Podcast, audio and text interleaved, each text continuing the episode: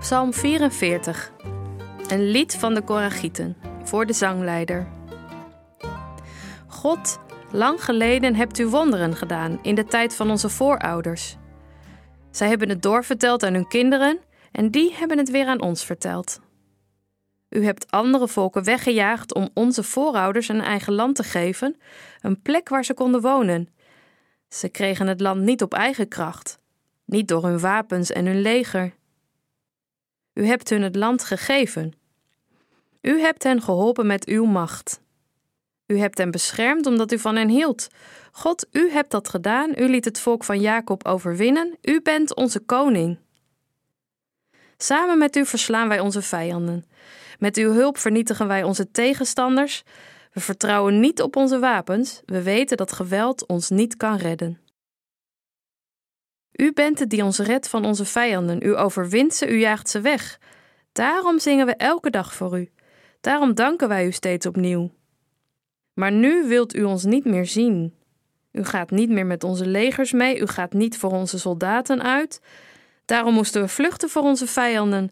Ze hebben ons verslagen en ze hebben alles van ons afgenomen. U hebt ons zomaar weggedaan, zo makkelijk als je een schaap laat slachten. U hebt ons weggejaagd naar verre landen. Wij waren uw volk, maar u hebt ons weggegeven. U hebt ons zomaar weggedaan. Word wakker, Heer, waarom slaapt u? Word wakker en laat ons weer bij u komen. Waarom verbergt u zich? Waarom vergeet u onze ellende? Waarom denkt u niet aan ons? Wij zijn diep bedroefd. We hebben geen kracht meer om te leven. Kom ons te hulp, Heer. Laat ons uw liefde zien en red ons.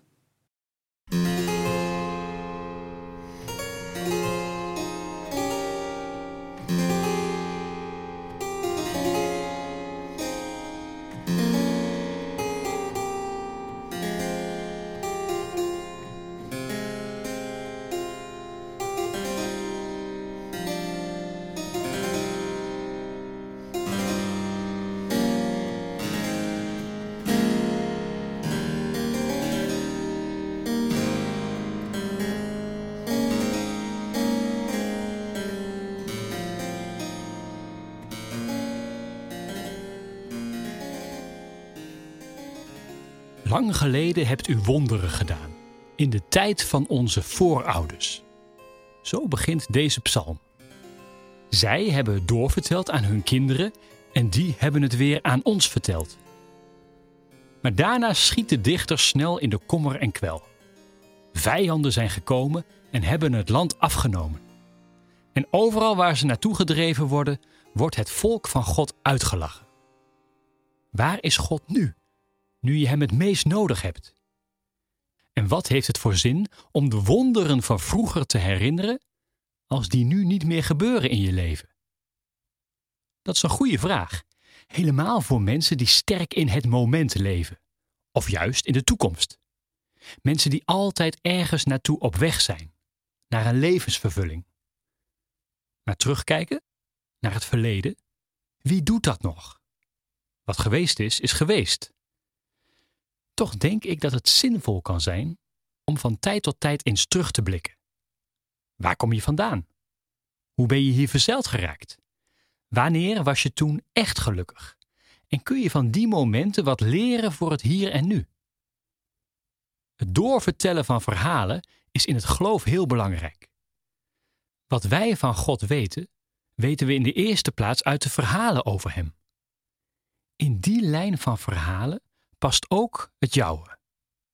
Wat is jouw verhaal? Hoe klinkt jouw levensverhaal?